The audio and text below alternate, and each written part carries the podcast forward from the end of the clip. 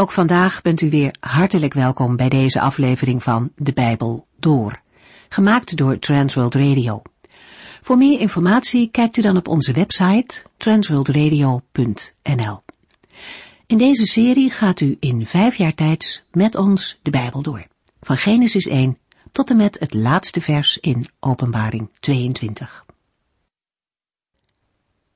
Fijn dat u weer luistert. We starten vandaag met een volgend Bijbelboek, namelijk de brief die Paulus aan de Filippenzen schreef. En ik hoop van harte dat u door het lezen en het luisteren naar deze brief ook bemoedigd zult worden in uw geloof. Als u vragen heeft of gewoon eens met ons wilt praten over geloofsonderwerpen, dan kunt u altijd bellen 0342 478432. Of stuurt u een e-mail naar info at transworldradio.nl. De brief waar we ons nu in gaan verdiepen is geschreven door een man die in de gevangenis zat.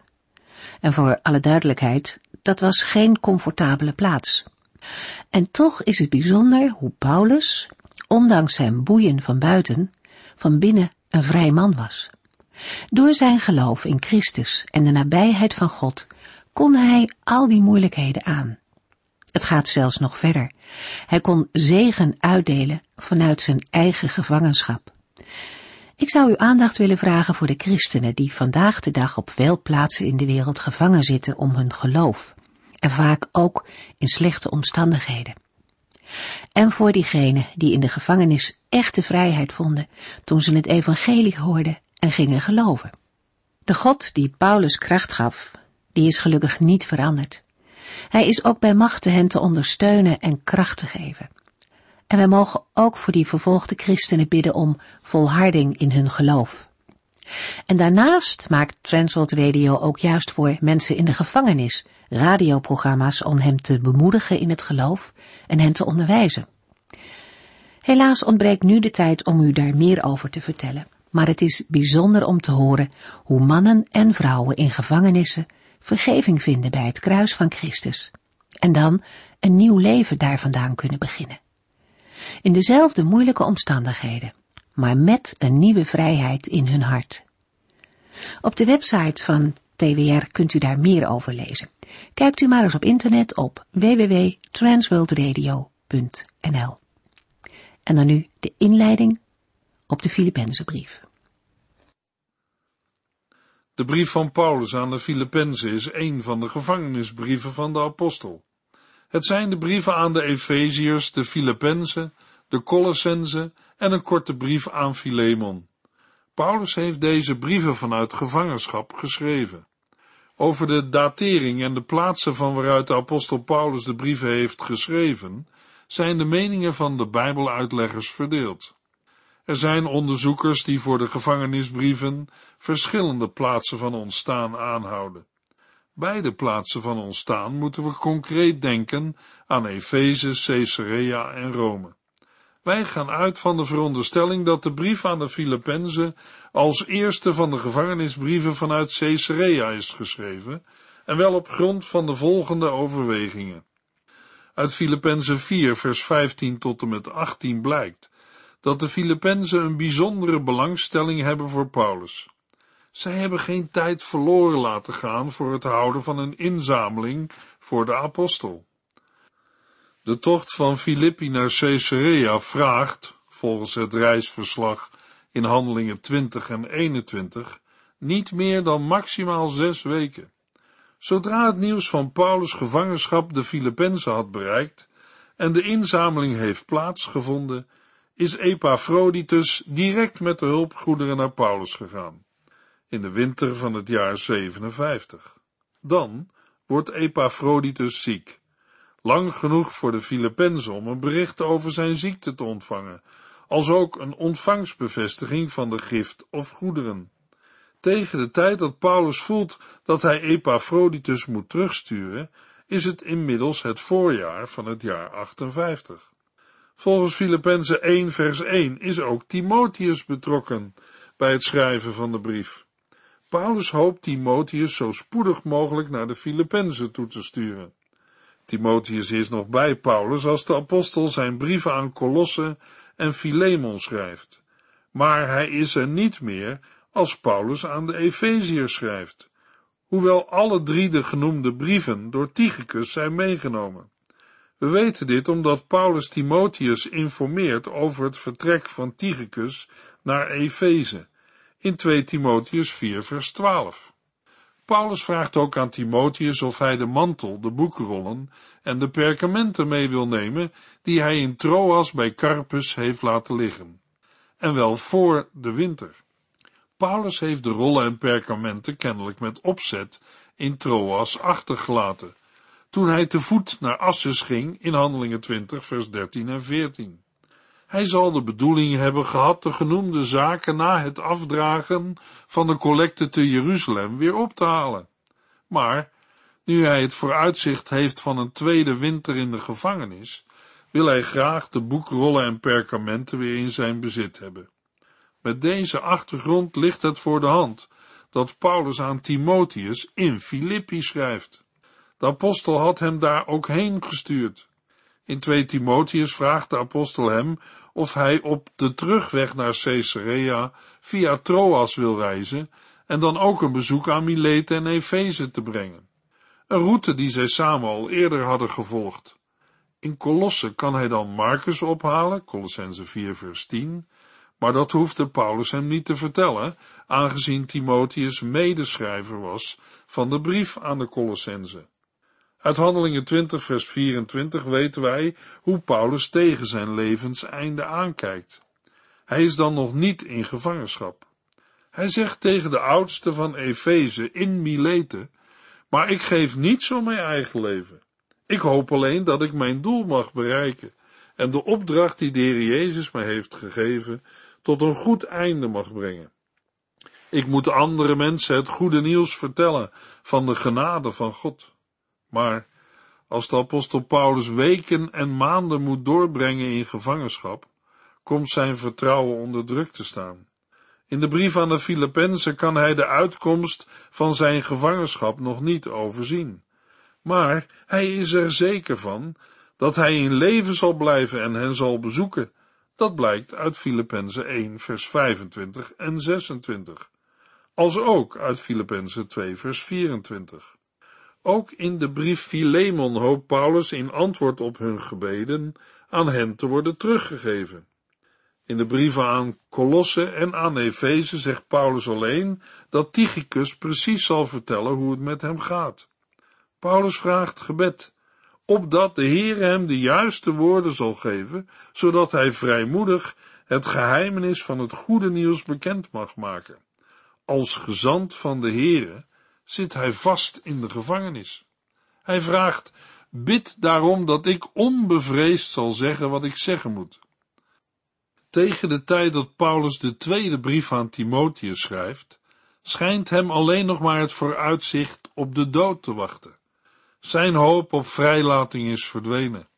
Hij is verlaten en zijn medewerkers moeten naar hem toekomen. In 2 Timotheus 4 vers 6 schrijft hij, Ik zeg dit, omdat mijn tijd bijna voorbij is. Ik zal voor God geofferd worden en binnenkort sterven. Later schrijft hij in Handelingen 28 vers 19 dat hij geen andere mogelijkheid meer had dan alleen het beroep op de keizer. De tussenverbindingen en de wederzijdse opbouw van de brief aan de Filippenzen en 2 Timotheus leidt tot de conclusie dat beide brieven de gedachten van de apostel Paulus weergeven in dezelfde volgorde. De datering van de brieven wordt dan Filippenzen in het voorjaar van 58, Philemon en Colossens in de zomer van het jaar 58 en de brief aan de Efeziërs wat later in de zomer van hetzelfde jaar en 2 Timotheus daarna in de herfst van het jaar 58 na Christus. Paulus schrijft de brief om de gelovigen in Filippi te bedanken voor hun gift en maakt meteen van de gelegenheid gebruik om hen het een en ander te leren over de eenheid in Christus. Zijn centrale gedachte is eenvoudig. Alleen in Christus zijn werkelijke eenheid en vreugde mogelijk. Waar Christus als voorbeeld van nederigheid en dienstbaarheid wordt aanvaard, is een eensgezinde opstelling en een eensgezind nastreven van dezelfde doeleinden mogelijk. Het is een waarheid die Paulus aan de hand van zijn eigen leven illustreert en die de Filippenzen dringend moesten horen. Want er heerst oneenigheid onder hen die werkzaam zijn in de gemeente van Filippi. En daarvan ondervindt de verkondiging van het nieuwe leven in Christus hinder. Paulus vermaant de gemeente, Filippenzen 4 vers 1, blijf standvastig in de Here. Vers 2, word het eens in de Here. En in vers 4, wees blij in de Here, maar bid voor alles en vraag God wat u nodig hebt, dankbaar voor alles wat Hij doet. Dan zult u de vrede van God ervaren, een vrede die ons menselijk besef te boven gaat en die de wacht houdt over uw hart en gedachten, omdat u in Christus Jezus bent. De brief wordt in de Bijbel de brief aan de Filippenzen genoemd. De gemeente van Filippi was de eerste die door Paulus in Macedonië was gesticht. De brief is geschreven door de apostel Paulus en er bestaat nauwelijks enige twijfel over het auteurschap van Paulus. Voor een indruk van de tijd waarin de gelovigen van de stad Filippi leefden, geven we een kort overzicht van een aantal historische gebeurtenissen. In 356 voor Christus nam koning Philippus van Macedonië, de vader van Alexander de Grote, de stad in. Hij breidde haar uit en gaf de stad een nieuwe naam, Filippi. De Romeinen veroverden de stad in het jaar 168 voor Christus en in 42 voor Christus vond buiten de stad de nederlaag van het leger van Brutus en Cassius plaats. Antonius en Octavianus, de latere keizer Augustus, waren de overwinnaars en maakten van Filippi een Romeinse kolonie en een militaire voorpost. De inwoners van deze kolonie werden als Romeinse burgers beschouwd en ontvingen een aantal bijzondere voorrechten. Omdat Filippi een militaire stad was en geen handelscentrum, waren er in de tijd dat Paulus er was niet genoeg Joden voor een synagoge. De oproep om naar Macedonië te komen, die Paulus tijdens zijn tweede zendingsreis in Troas kreeg, leidde tot zijn prediking in Filippi en de bekering van Lydia en anderen. Paulus en Silas werden gegezeld en in de gevangenis geworpen, maar dat resulteerde in de bekering van de gevangenbewaarder van Filippi. De magistraten of rechters verkeerden in een netelige positie, omdat ze zonder enige vorm van proces Romeinse burgers hadden laten geeselen. Paulus bezocht de Filippenzen opnieuw tijdens zijn derde zendingsreis. Toen zij van zijn gevangenschap hoorden, stuurde de gemeente van Filippi Epaphroditus met een financiële ondersteuning. Ze hadden Paulus bij minstens twee andere gelegenheden ook al op die manier geholpen. Epaphroditus stierf bijna aan een ziekte. Hij bleef zo lang bij Paulus dat het nieuws van zijn ziekte ook de Filippenzen bereikte. Na zijn herstel gaf Paulus hem zijn brief mee voor de gelovigen in de stad Filippi.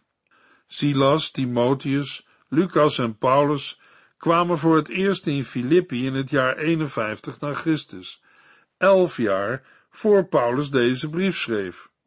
Paulus' leven stond op het spel en hij wachtte klaarblijkelijk op de uitspraak van het keizerlijke gerechtshof. We vinden in de brief aan de Filippenzen verschillende beschrijvingen van Christus. De langste beschrijving vinden we in Filippenzen 2, vers 6 tot en met 11. Hoewel hij de gestalte van God had, heeft hij zich niet vastgeklampt aan zijn goddelijke rechten. Integendeel, hij legde zijn grote macht en heerlijkheid af, nam de gestalte aan van een dienaar en werd een mens. Herkenbaar als mens vernederde hij zich en gehoorzaamde tot het uiterste, zelfs tot in de dood aan het kruis. Daarom heeft God hem de hoogste plaats en de allerhoogste titel gegeven, zodat in de naam van Jezus iedereen in de hemel, op de aarde en onder de aarde zijn knieën zal buigen en tot eer van God de Vader openlijk zal erkennen Jezus Christus is de Heere. In hoofdstuk 1 ziet Paulus Christus als zijn leven. Filippenzen 1 vers 21. Voor mij is het leven Christus zelf. In hoofdstuk 2 is Christus het voorbeeld van ware nederigheid. Filippenzen 2 vers 5. Blijf erop toezien dat uw innerlijke houding moet zijn zoals die van Christus Jezus. Hoofdstuk 3 noemt hem, in vers 21, als degene die onsterfelijke lichaam veranderen zal in een hemels lichaam, dat net zo sterk en schitterend is als het zijne. In hoofdstuk 4 is Christus de bron van de kracht van Paulus. Filippenzen 4 vers 13. Ik ben in staat alles te doen door Christus, die mij daarvoor de kracht geeft. De centrale gedachte van de brief aan de Filippenzen is Filippenzen 1 vers 21. Voor mij is het leven Christus zelf en het sterven pure winst. In ieder hoofdstuk klinkt het thema door dat Jezus het middelpunt van het leven van een christen is. Hoogtepunten zijn onder andere Filippenzen 2 vers 5. Blijf erop toezien dat uw innerlijke houding moet zijn zoals die van Christus Jezus. Filippenzen 3 vers 8. Echt, ik beschouw zelfs alles als waardeloos, omdat niets meer waarde heeft dan het kennen van Christus Jezus. En ik ben in staat alles te doen door Christus die mij daarvoor de kracht geeft. In de brief aan de Filippenzen zijn Filippenzen 1 vers 21 en Filippenzen 4 vers 12 sleutelversen. Filippenzen 1 vers 21 hebben we al gelezen en in Filippenzen 4 vers 12 lezen we Ik weet uit ervaring wat het is om te leven in gebrek en in overvloed. Ik ben met allerlei omstandigheden vertrouwd, zowel met genoeg te eten te hebben, als met honger lijden, en zowel met meer dan voldoende te hebben, als gebrek te lijden. Filippenzen 2 kunnen we aanwijzen als een sleutelhoofdstuk. De grootsheid van de nieuwtestamentische waarheid overtreft bijna nergens het openbaar worden van de nederigheid van Jezus Christus, toen hij de hemel verliet om een dienstknecht van de mensen te worden. Christus is duidelijk het voorbeeld voor de christen. En Paulus spoort aan in Filippenzen 2 vers 5, laat die gezindheid bij u zijn, welke ook in Christus Jezus was. Filippenzen is een brief van vreugde en bemoediging, te midden van ongunstige omstandigheden. Paulus geeft openlijk uiting aan zijn grote verbondenheid en liefde voor de Filippenzen. Hij waardeert hun standvastig getuigenis en ondersteuning. Liefdevol dringt hij er hen op aan dat hun daden en gedachten zich zullen richten op het zoeken van de persoon en de macht van Christus. Paulus probeert ook correcties aan te brengen in zaken de problemen van oneenigheid en egoïsme. Daarnaast om de problemen van wetticisme en normloosheid te voorkomen. Filippenzen 3 vers 18 en 19. Want wat ik u al zo vaak gezegd heb, zeg ik nu met tranen in mijn ogen. Er zijn velen die zich in hun levenswandel als vijanden van het kruis van Christus gedragen. Ze zijn op weg naar de ondergang.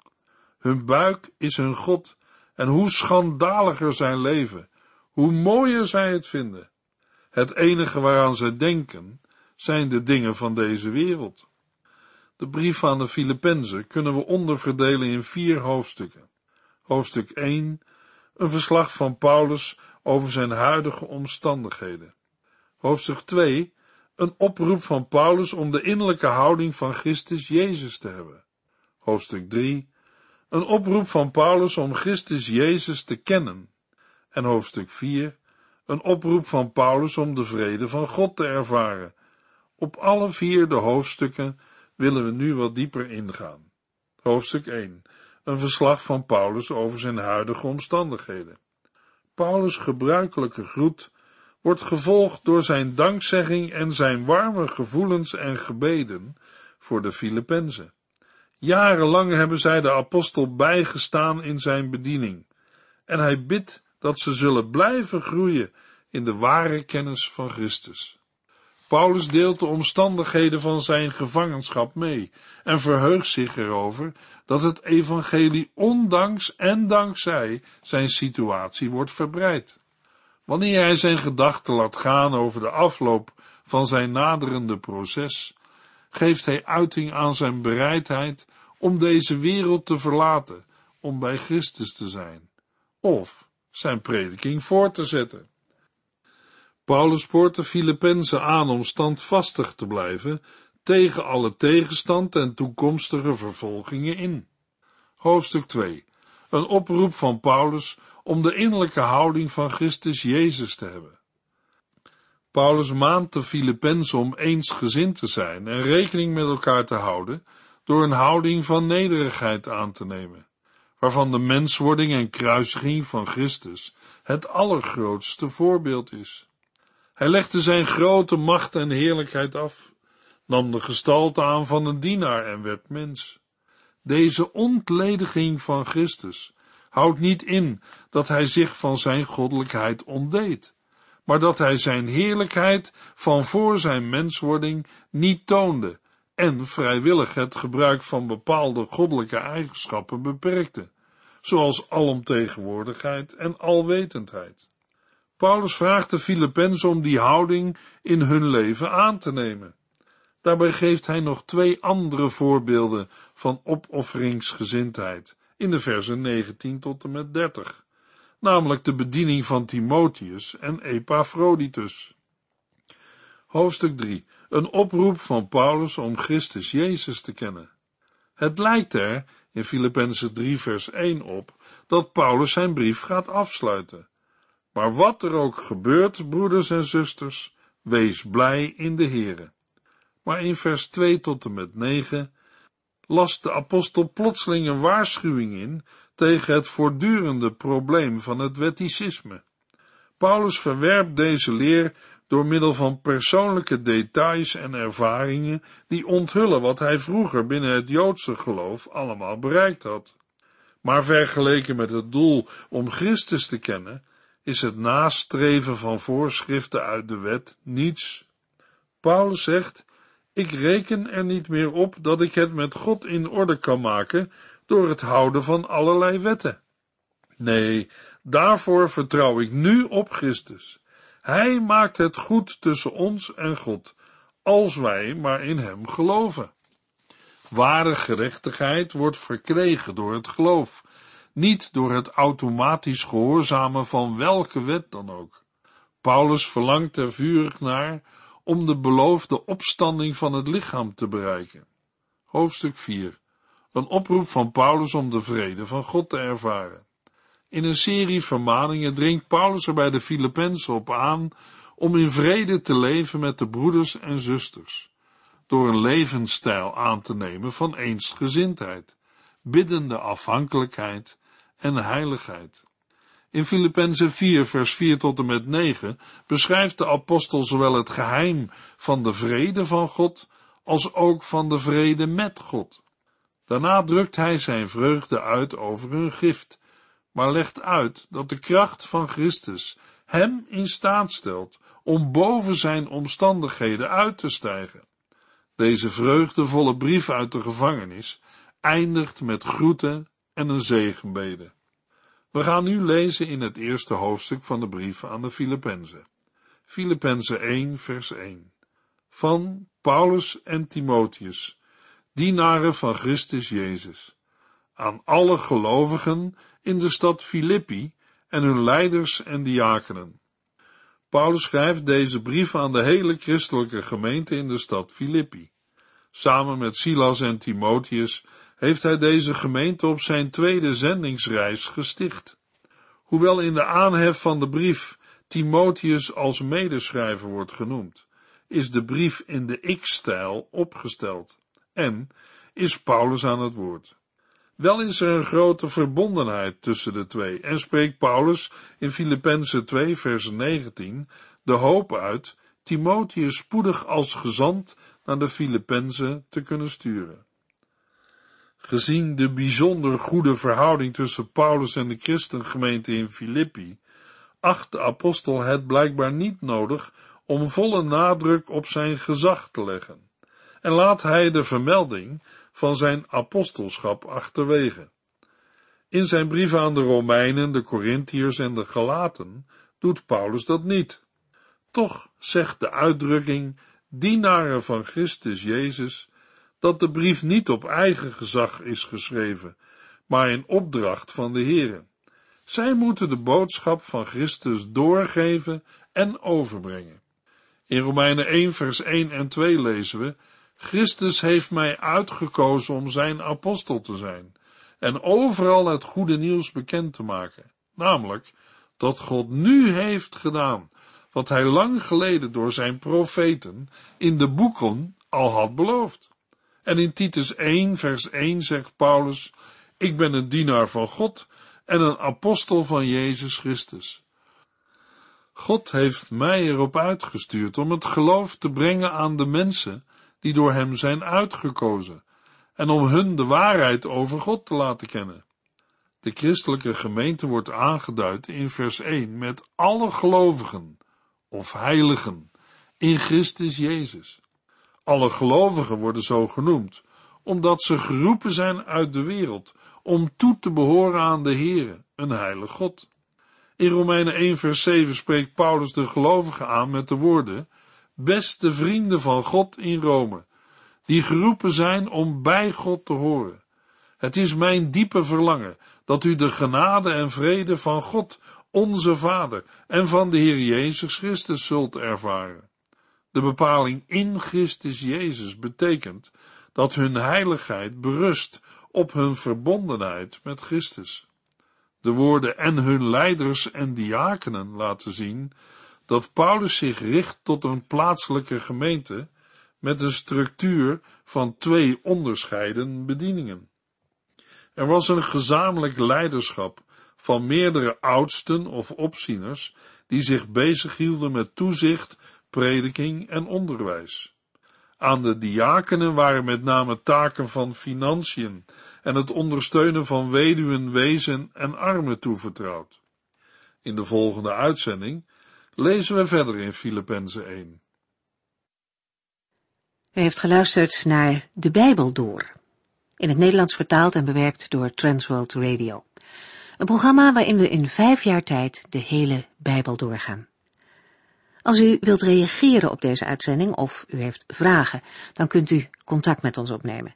Tijdens kantooruren kunt u bellen op 0342 47 8432. 0342 47 8432. Ook kunt u een e-mail sturen naar de Bijbel transworldradio.nl en natuurlijk kunt u ook via de post ons bereiken. TWR, postbus 371, postcode 3770, AJ in Barneveld. Dit programma werd gepresenteerd door Cor Weda en Ike André. Techniek was in handen van Odin van Voerkom. En wij allemaal bedanken u voor het luisteren. Graag tot de volgende keer.